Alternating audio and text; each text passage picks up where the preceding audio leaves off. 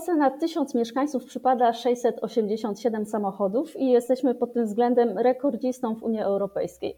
Ale nie jest to powód do dumy, bo koszty tego są ogromne. Odpowiedzią na to jest mikromobilność i to właśnie o niej porozmawiam teraz z moim gościem, a jest nim Adam Jędrzejewski, założyciel i prezes Stowarzyszenia Mobilne Miasto. Dzień dobry. Dzień dobry, witaj. A ja się nazywam Małgorzata Lamperska, to jest podcast o technologii na głos z cyklu Obok Logistyki. Może zacznijmy od tego, co to jest mikromobilność. To bardzo łatwo sobie wyobrazić. Samochodowa mobilność to jest makromobilność. Więc wszystko, co będzie mniejsze rozmiarem pojazdu od samochodu, możemy w zasadzie wpisać w mikromobilność. No będą to no przede wszystkim jednoślady typu rowery, czy to tradycyjne, czy to rowery cargo, czy ze wspomaganiem elektrycznym. E, no i też elektryczna mikromobilność, która w ostatnim czasie e, zaczyna być coraz bardziej popularna i widoczna w miastach, najczęściej w postaci elektrycznych hulajnóg. No i jeszcze mamy w tym segmencie e, dobrze znane historycznie w Polsce motorowery, aczkolwiek to już bardziej z kategorii e, retro, a przynajmniej jeśli chodzi o skalę e, użytkowania tych pojazdów, bo należą one do rzadkości. A nogi?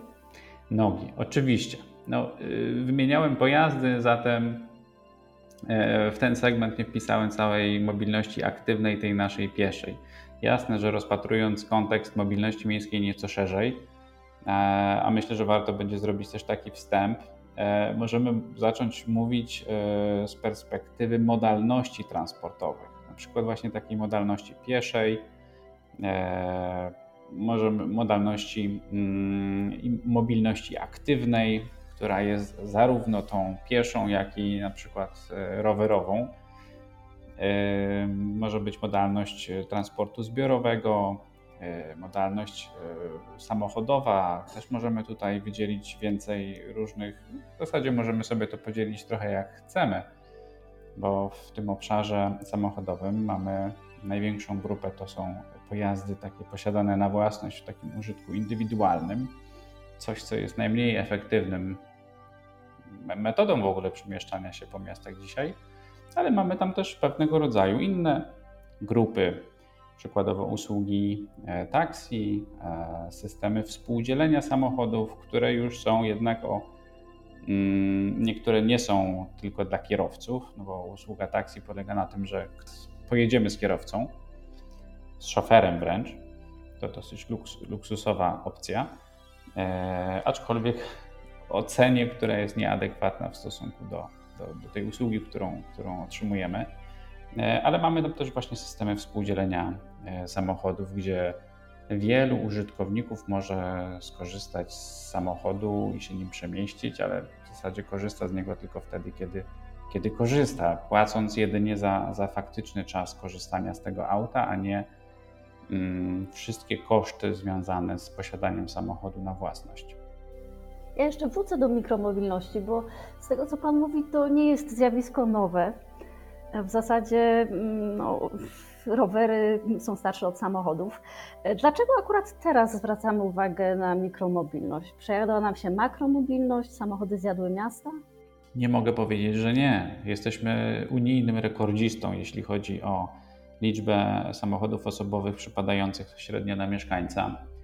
E, a można, można więc powiedzieć, że mamy trochę w polskich miastach przesyt e, tych samochodów.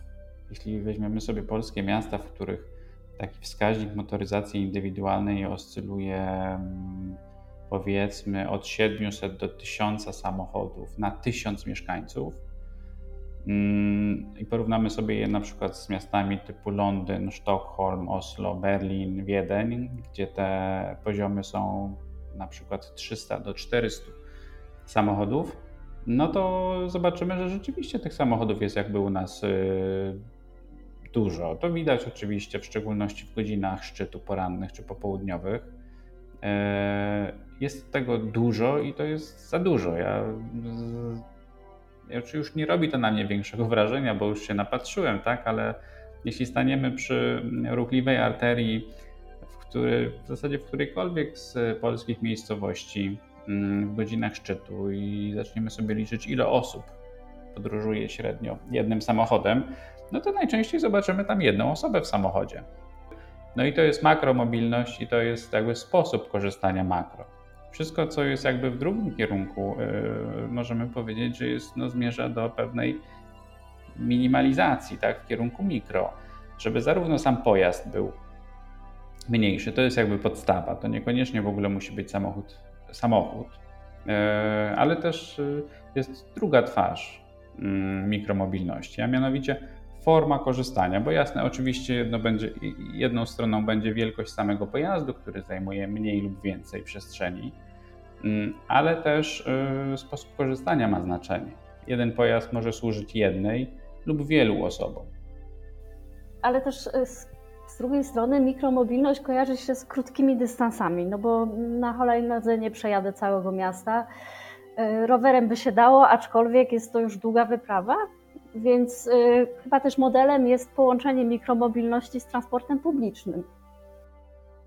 Zgadza się, rzeczywiście, rzeczywiście tak jest. Dzisiaj w bardzo wielu miastach y, próbuje tworzyć się mieszkańcom alternatywę dla posiadania samochodu w duchu trochę takich łączenia w ramach jednej podróży różnych środków albo różnych form, sposobów przemieszczania się. Nazywamy to często multimodalnością, czyli no właśnie w ramach, w ramach jednej podróży mm, de facto realizujemy kilka różnych takich modalności transportowych.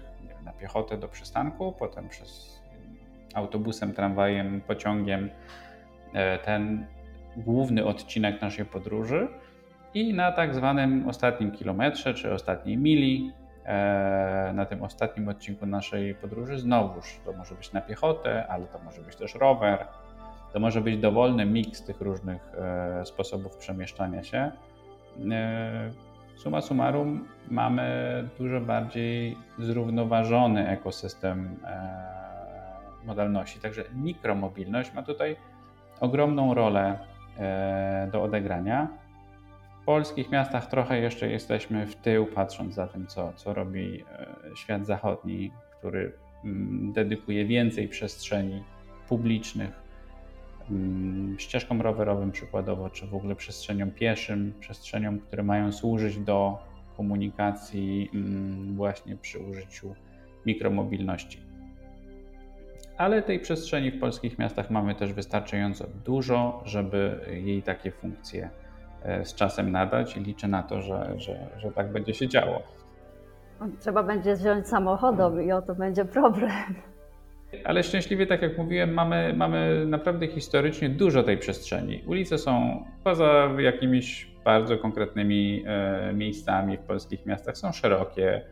E, naprawdę możemy uwolnić pokaźne, e, pokaźne przestrzenie w miastach, żeby zrobić więcej miejsca i troszkę bardziej demokratycznie podzielić przestrzeń, bo miejmy świadomość, że to, co mamy dzisiaj w tak zwanym standardzie, to, to nie jest w żaden sposób demokratyczny podział przestrzeni, ponieważ drogi i komunikacja samochodowa zajmują daleko więcej przestrzeni i pochłaniają dużo więcej kosztów, aniżeli odpowiadałoby to na przykład liczbie osób, które są w stanie przetransportować, albo liczbie osób, które korzysta z tej formy transportu. Nierzadko dzisiaj przekroje ulic są w ten sposób skonstruowane, że w zasadzie większość e, jest dedykowana samochodom, natomiast zarówno w ruchu, jak i w parkowaniu. Natomiast e, to nie jest tak, że większość osób i większość przemieszczeń w miastach jest realizowana samochodami. W związku z tym powinniśmy troszkę przewartościować mm, ten podział przestrzeni, jego funkcję tej przestrzeni i ten taki właśnie miks e, mobilności, gdzie mikromobilność powinna zająć naprawdę wysokie, e, wysokie premiowane e, miejsce wśród tych wspieranych modalności transportowych. Jak modelowo mogłoby wyglądać takie miasto wspierające mikromobilność? Jaki udział ruchu samochodowego, transportu publicznego, y, wszelkich mikropojazdów typu rower, hulajnoga? My mm, proponujemy wcale nie nowatorski zabieg, e, tak zwanego odwrócenia piramidy transportowej. Jakby to tylko dobrze zobrazować? No, mamy dzisiaj pewnego rodzaju, mm, możemy sobie to wyobrazić jako trójkąt. Największą część pola tego trójkątu, około 40%, zajmują, zajmuje ruch samochodowy. Powiedzmy, że około 30-35% mm, zajmują przemieszczenia transportem publicznym. I na samym czubku tej piramidy, ale jednocześnie w jej najwęższym i najmniejszym fragmencie mamy mobilność aktywną, niech to będzie 15-20%, reszta mikromobilność. E, potrzebujemy odwrócić taki trójkąt. E, I tam, gdzie e, mamy ten najwę, to najwęższe gardło, tą najmniejszą liczbę przemieszczeń, spozycjonować samochody w użytku indywidualnym tak żeby one nie stanowiły 40% udziału, a na przykład 10% udziału. Transport publiczny prawdopodobnie nie będzie w stanie obsłużyć większego ruchu aniżeli 40 do 50% wszystkich przemieszczeń. W związku z tym całe jakby to pozostaje ten rdzeń mobilności miejskiej. Natomiast uzupełnienie tego rdzenia to musi być przede wszystkim mobilność aktywna, czy piesza, czy rowerowa, no i mamy też pewnego rodzaju coś, co my jako, my jako Stowarzyszenie Mobilne Miasto e, wspieramy, czyli mobilność współdzielona. Czyli okazjonalnie korzystamy z roweru, hulajnogi, motoroweru, czy właśnie też samochodu, ale nie w ten sposób, że na co dzień mamy ten samochód gdzieś w przestrzeni 24 godziny na dobę. Korzystamy z niego wtedy, kiedy rzeczywiście potrzebujemy płacimy wtedy za ten czas i jakby korzystamy e, dużo rzadziej z samochodu, bo też otwieramy się dużo bardziej na wszelkie inne e, sposoby przemieszczania się po mieście. Można powiedzieć, że to jest pewien duch i pewna koncepcja, która e, sprawiłaby, że nasze miasta byłyby dużo bardziej przyjazne, przyjemne, cichsze, z mniejszą ilością zanieczyszczeń, z mniejszą ilością wypadków, no bo jakby ruch samochodowy, tu nie muszę nikogo przekonywać, no, generuje poważne zagrożenia w ruchu drogowym. Nie możemy ich porównać z stłuczkami i otarciami, czy nawet wypadkami w kategorii mikromobilności, no bo też te rzeczy, następstwa tych wypadków też są siłą rzeczy raczej mikro.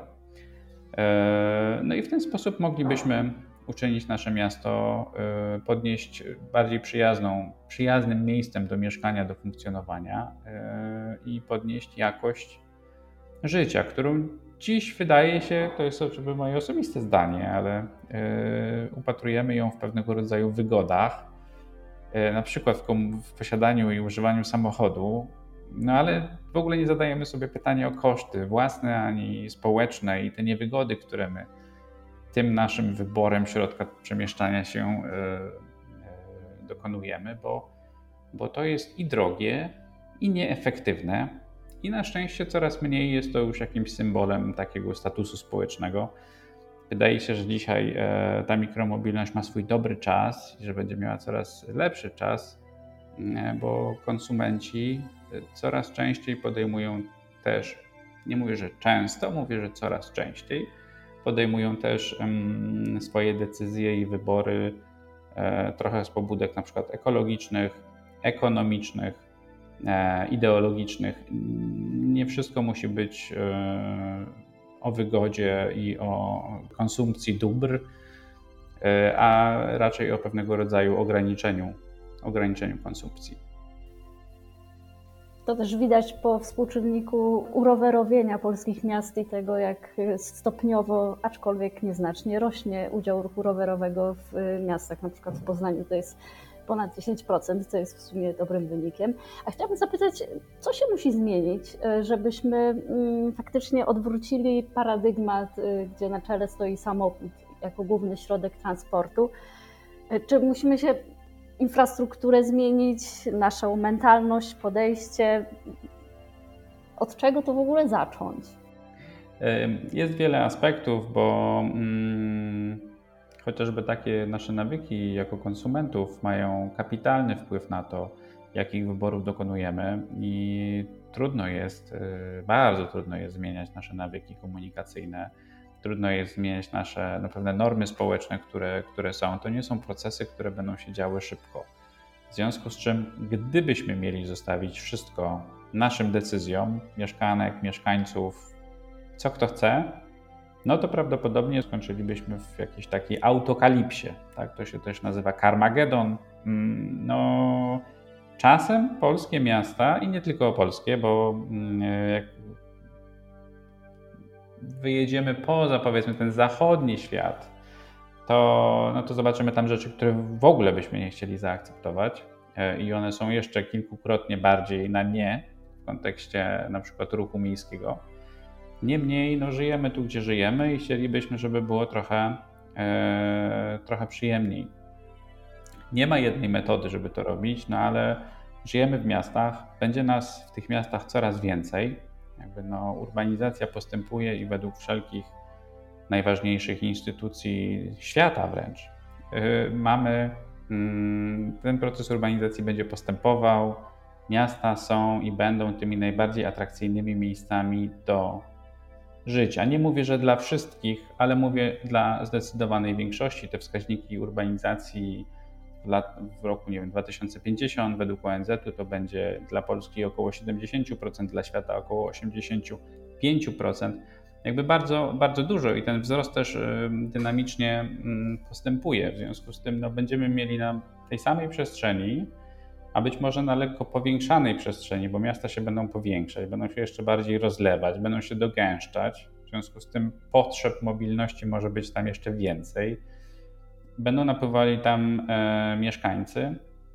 No i potrzebujemy znaleźć jakieś rozwiązanie, e, które nie polega na tym, że każdy e, wraz ze swoją osobą e, posiada jeszcze jeden czy więcej e, samochodów wielkości małego e, pokoju. Mm, I, ale jakby to mówię o pewnych zmianach mentalnych, tak? No musimy przede wszystkim, mm, wydaje się, zmieniać otaczającą nas, nas przestrzeń. Wiele pozytywnych rzeczy się dzieje oczywiście w polskich miastach. Jest coraz więcej infrastruktury rowerowej, e, aczkolwiek dalej ze zdziwieniem możemy na pewno obserwować pewne inwestycje drogie, które nie są wyposażone w, jakby w perspektywę mikromobilności, e, gdzie jednak dalej prymat cały czas wiedzie komunikacja samochodowa, możliwie jak najwięcej pasów, możliwie jak największa przepustowość, możliwie jak najwięcej miejsc parkingowych.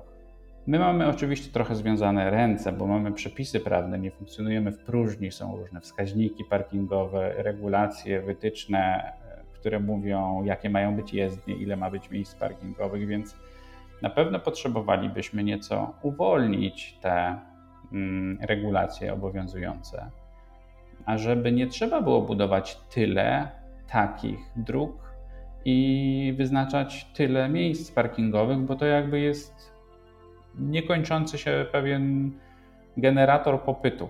Budujemy domy, mieszkania, biura, obiekty handlowe, w których jest za dużo miejsc parkingowych. Te miejsca parkingowe oczywiście są wykorzystywane, im więcej, tym lepiej, mm, ale no, zauważamy już dzisiaj raczej trend taki, aczkolwiek regulacje nie idą w duchu za tym trendem, żeby ograniczać konsumpcję tej formy przemieszczania się po mieście i iść bardziej w kierunku czy to mikromobilności, czy to mobilności aktywnej, czy to zbioro, transportu zbiorowego, czy transportu współdzielonego, żeby niejako odejść od tego mm, modelu e, ja i samochód. To nie jest jakby nasza para, e, para butów. No i sądzę, że im prędzej zdamy sobie z tego sprawę, tym lepiej. A konkludując, y, są badania y, z krajów Beneluxu z ostatnich lat, które jasno pokazują, że to infrastruktura determinuje sposób, w jaki się przemieszczamy, w jaki, jakiego środka transportu używamy. Innymi słowy, najpierw potrzebna jest infrastruktura, która a ograniczy prawie nieograniczone możliwości podróżowania i postoju samochodom, i zachęci do używania innych form transportu. Te wszystkie, które tutaj wymieniam, tak, to jest i transport zbiorowy, to jest mikromobilność, to, to nie mogą być chodniki o szerokości 1,5 metra.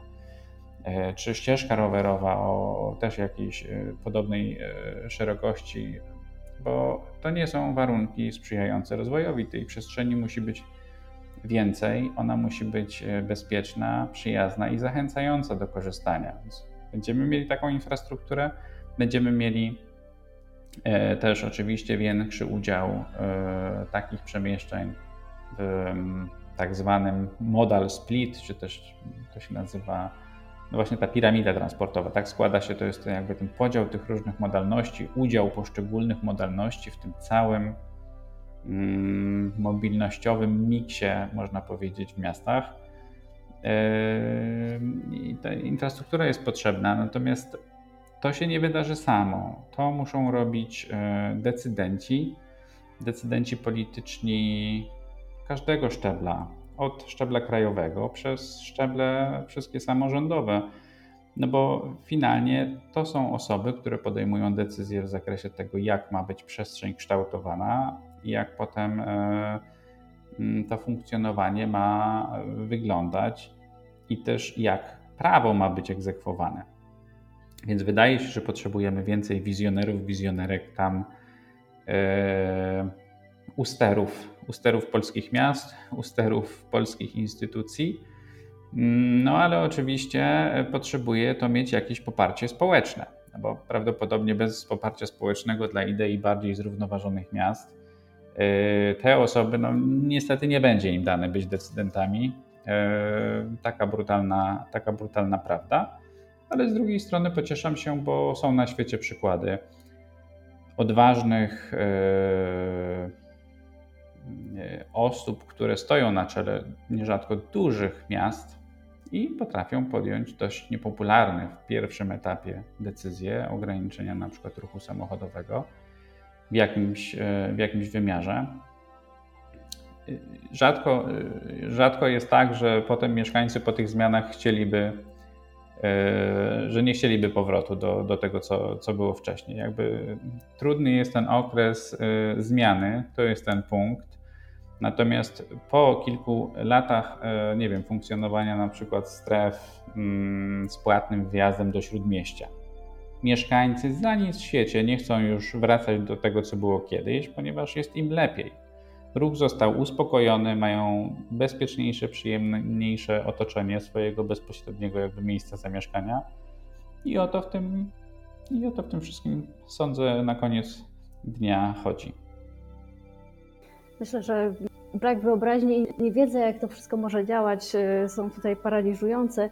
I pojawia się jeszcze klasyczne pytanie, jak dowieść dziecko na przykład na hulajnodze albo rowerem do szkoły. To jest dla mnie argument, który słyszę bardzo często, jak rozmawiam z kimś y, właśnie na temat roweru y, i jazdy na rowerze i zawsze słyszę, no bo ty to sobie możesz, a ja to mam dziecko do odwiezienia, no i muszę mieć samochód. Ten argument da się pokonać? Nie wiem, no gdyby, gdyby posiadanie dzieci związane było z koniecznością posiadania samochodu, no to może trzeba byłoby jakoś systemowo to rozwiązać. Nie wiem, no, y, zamiast programów wychowawczych, y, może jakiś program y, samochodowy, no, jakiś narodowy samochód. Oczywiście no, są to opary absurdu. Ja naturalnie spotykam się też często dyskutując na tematy mobilności miejskiej z argumentem, e, no, że dzieci to trzeba w domyśle zawieźć samochodem do jakiejś placówki oświatowej. No, jeśli chcemy kształtować rzeczywiście taki, mm, taki nawyk, e, żeby potem e, te młode osoby traktowały samochód jako no, swoją parę butów, no to nie wiem, jest tak dużo badań, które mówią o tym, ile to krzywdy wyrządza samym dzieciakom, które nie mogą samodzielnie, autonomicznie poznawać otaczającego świata, tylko są gdzieś mm, zawożone, przez swoich e, opiekunów e, ani świata nie zobaczą, ani pogody nie poczują, e, nie mówiąc o tym, że są jakby ubezwłasnowolnieni. A potem są takie argumenty, no, że nie, nie mogę, bo jest, nie mogę cię nie zawieść, bo, bo to jest niebezpiecznie. No. Dlaczego jest niebezpiecznie? No bo te samochody. Tylko my sami tworzymy to niebezpieczeństwo, a potem mówimy, tłumaczymy to naszym dzieciom, że, że to jest powód, dla którego nie może samo e, jeździć tramwajem, autobusem, czy chodzić na piechotę, czy rowerem jeździć, to, do szkoły. Rzeczywiście bezpiecznie do końca nie jest, natomiast potrzebujemy jakby zacząć od trochę naprawiać otoczenie od, od przyczyny. No, przyczyną jest tutaj od leczenia przyczyny. No, przyczyną jest nadmiar samochodów. Są projekty szkolnych ulic, które próbują zwrócić na ten problem uwagę, że mm, w zasadzie przestrzeń wokół szkół przykładowo powinna być no, pod szczególnym nadzorem, pod szczególną ochroną. Są też takie przykłady, nie wiem, Fundacja mm, Rodzic w Mieście przykładowo w Polsce prowadzi takie e, działania. One są na stosunkowo niewielką skalę no bo to wszystko jest takie niepopularne i trochę e, hashtag nie da się i brak zrozumienia, a poza tym no, trzeba jakoś przecież te dzieci przywieźć, bo mm, potem jeszcze dalej jedziemy do pracy. To jest takie samo napędzające się koło.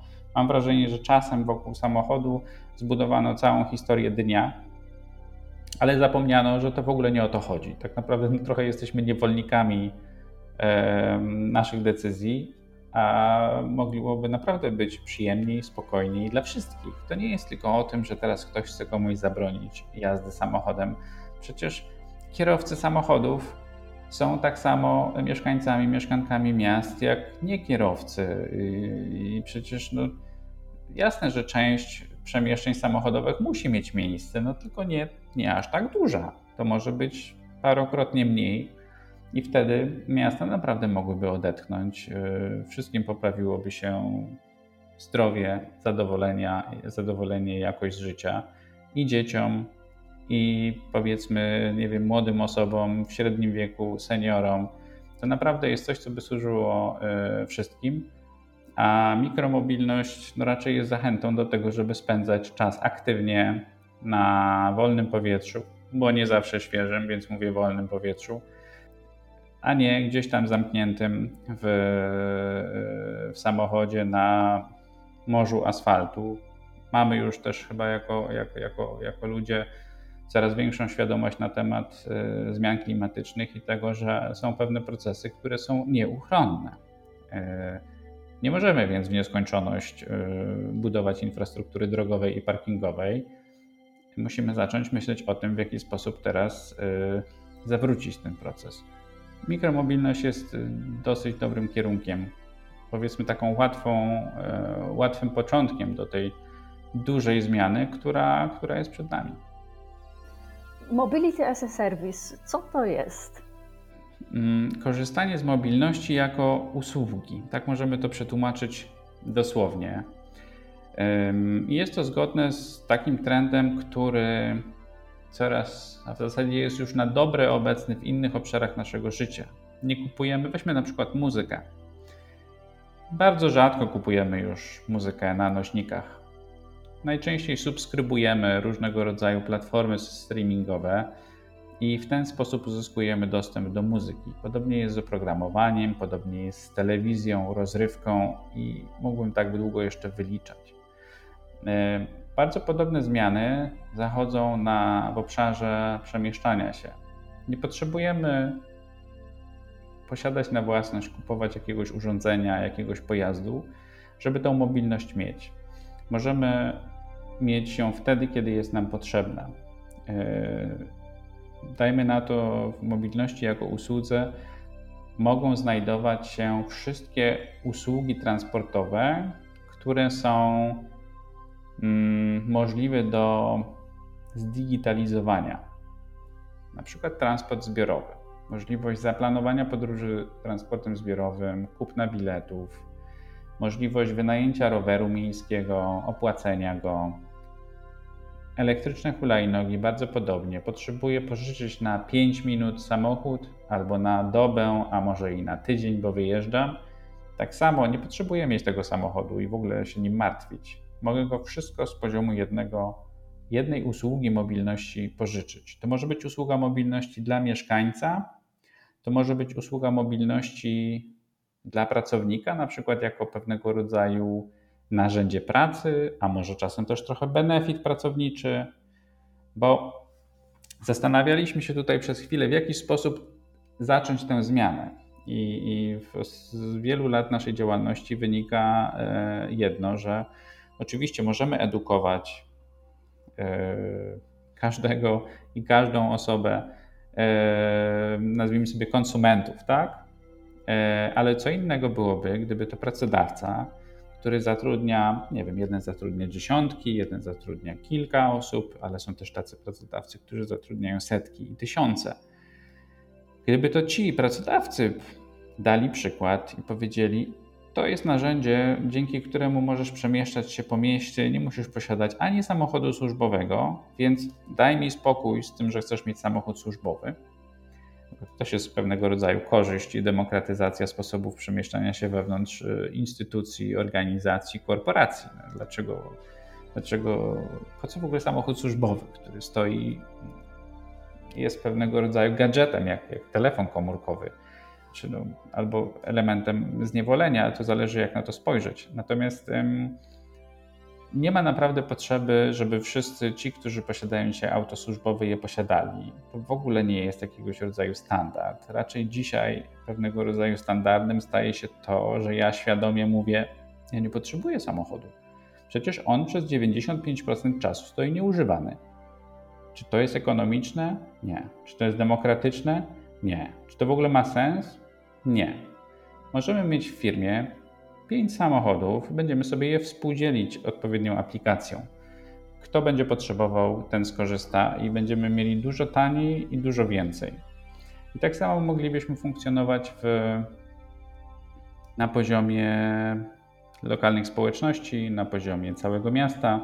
Więc tutaj tymi, tym kołem zamachowym, tymi instytucjami, tworami, które mogłyby zainspirować, zapoczątkować tą zmianę, no właśnie sądzę, mogą być pracodawcy, może być y, urząd miasta, czy miasto, gmina, w której mieszkamy. Przecież przykład idzie z góry. Jakby no raczej oddolnie tej zmiany nie zrobimy, więc musimy jakoś myśleć trochę o pewnej odgórnej, odgórnej regulacji. E, wydaje się, że mobilność jako usługa może być korzyścią dla nas wszystkich. Jakbyśmy policzyli oszczędności, nawet nasze prywatne, z posiadania samochodu i zamienili je na, e, to się nazywa różnie, budżety mobilności, pakiety mobilności, czyli takie mm, popakietowane usługi mobilności, w których jest, mamy zaszyty transport publiczny jako ten taki rdzeń, Mamy jakieś możliwość korzystania z rowerów, hulajnów, carsharingu. Pytanie oczywiście jest o to, kto to ma sfinansować. Natomiast no, na pewnym etapie e, do tego powinny też włączyć się właśnie instytucje, czy to instytucje państwa, czy to instytucje e, samorządowe, nie zawsze, żeby finansować de facto przejazdy komuś, ale żeby tworzyć sprzyjające warunki, żeby promować tego rodzaju podejście. To mm, właśnie całe Mobility as a Service jest czymś, co no świetnie wpisuje się we wszystkie strategie transportowe, strategie zrównoważonego rozwoju miast i sądzę, że prezydentki, prezydenci, burmistrzowie i tak dalej, cały sektor samorządowy powinien zdecydowanie wziąć pod rozwagę mm, właśnie takie miękkie działania w zakresie e, promowania innych nawyków transportowych. Choć nie ukrywam, że dzisiaj nie ma jeszcze w Polsce i, na świecie to też nie wygląda jakoś szczególnie różowo takich cyfrowych rozwiązań w duchu właśnie platform Mobility as a Service Mm, z tego względu, że te poszczególne usługi, z których to miałoby się składać, mm, muszą się najpierw między sobą też mm, dogadać, w jakiś sposób y, wymyślić pewnego rodzaju model biznesowy, sposób współpracy, a to się jeszcze nie wydarzyło. Y, I to nie jest tylko kwestia Polski, ale w ogóle jest to pewnego rodzaju globalne, y, globalne wyzwanie. Ale o takich planach opowiadał w jednym z odcinków naszego podcastu Michał Łakomski, to był odcinek o Smart City. A ja już tak na koniec chciałabym zapytać Pana o ranking y, mikromobilnych miast, który Państwo prowadzą. Y, kto wygrał w tym roku i y, na jakich podstawach były oceniane miasta? To już tłumaczę. Rzeczywiście w tym roku opublikowaliśmy pierwszą edycję rankingu miast przyjaznych mobilności współdzielonej został on ułożony w ten sposób, że tam w tych miastach i miejscowościach, w których oferta współdzielonego transportu była najbardziej obfita, te miasta były na górze rankingu, Przebadaliśmy ponad 200 miejscowości i było to, podzieliliśmy jednak je na cztery kategorie wielkości, żeby mieć, mieć co porównywać z czym. Ja może wspomnę tutaj chociażby tych, te miasta, które zdobyły miejsca na podium. Tylko w sumie będzie 12, 12 miast w tej kategorii miast powyżej 300 tysięcy mieszkańców. Pierwsze trzy miejsca to były odpowiednio Warszawa, Poznań, Gdańsk. Tutaj e, krótka informacja dotycząca Poznania. Poznań jednocześnie zdobył też najwyższą e, ocenę jakościową. To jest taka dodatkowa ocena, której żeśmy dokonywali dla miast, e, top 5 miast w każdej z kategorii wielkości gdzie badaliśmy już bardzo szczegółowo w porozumieniu z, z władzami samorządowymi e, przyjazność otoczenia regulacyjnego, infrastruktury, dostępu do e, kwestii wykorzystania danych i technologii w rozwoju mobilności współdzielonej, e, czy też kwestii dywersyfikacji transportu. Więc jakby tutaj tylko zaznaczam, że Poznań jest numerem jeden w Polsce pod kątem tej jakościowej oceny.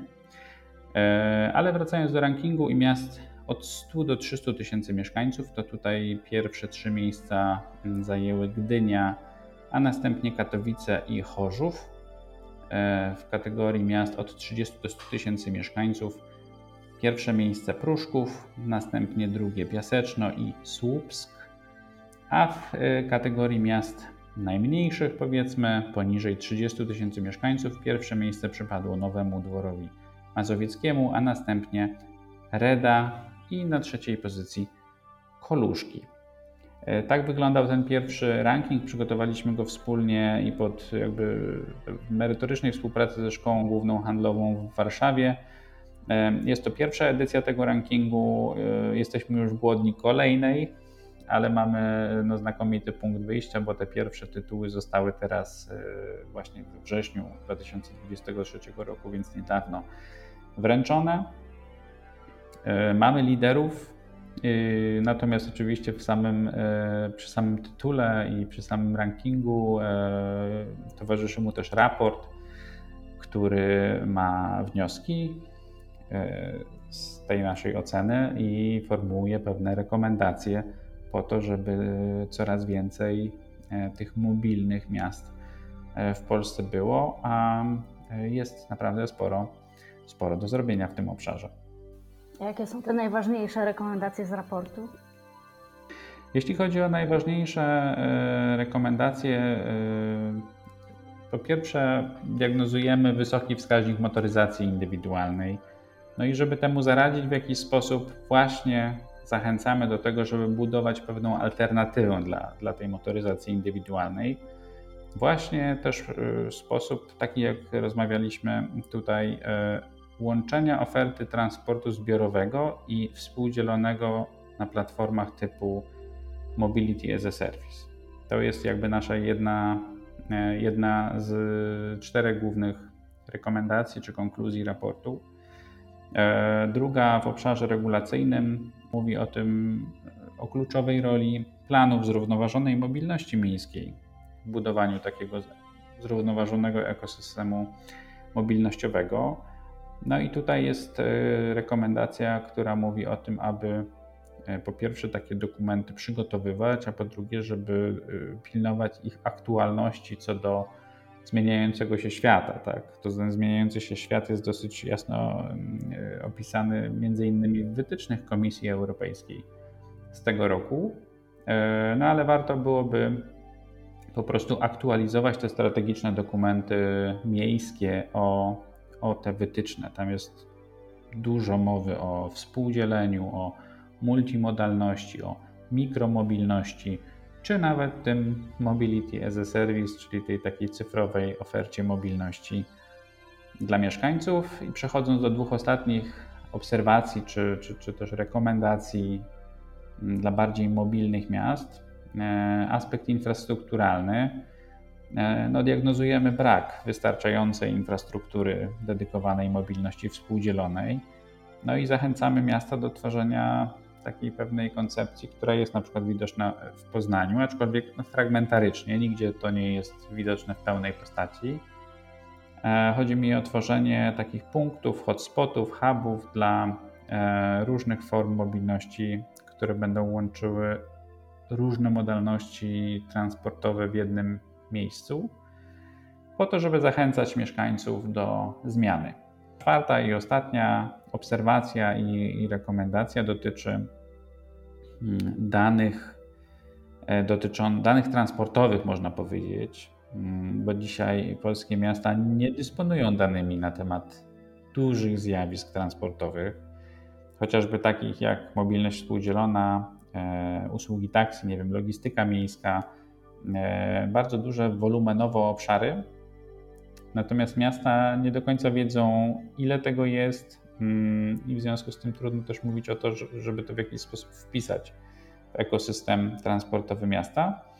No więc e, tutaj jest rekomendacja stworzenia pewnego, pewnych ram dla po pierwsze pozyskiwania tych danych transportowych, a następnie zasilania nimi modeli transportowych, po to, żeby planować e, przemieszczanie się mieszkańców i jakby odpowiadać też na potrzeby mobilnościowe mieszkańców dysponując całym, jakby wszystkimi możliwymi dostępnymi opcjami, bo dzisiaj ten, e, ten obszar jest bardzo fragmentaryczny, on jest, e, no tak jak mówię, miasta nie wiedzą, jak przemieszczamy się, dlaczego, brakuje badań, brakuje danych w tym zakresie, więc potrzebowalibyśmy naprawdę stworzyć taki duży zasób danych, wszystkich danych transportowych miasta, od wszystkich możliwych interesariuszy, dopiero z tego miejsca mówić o zarządzaniu transportem czy zarządzaniu mobilnością.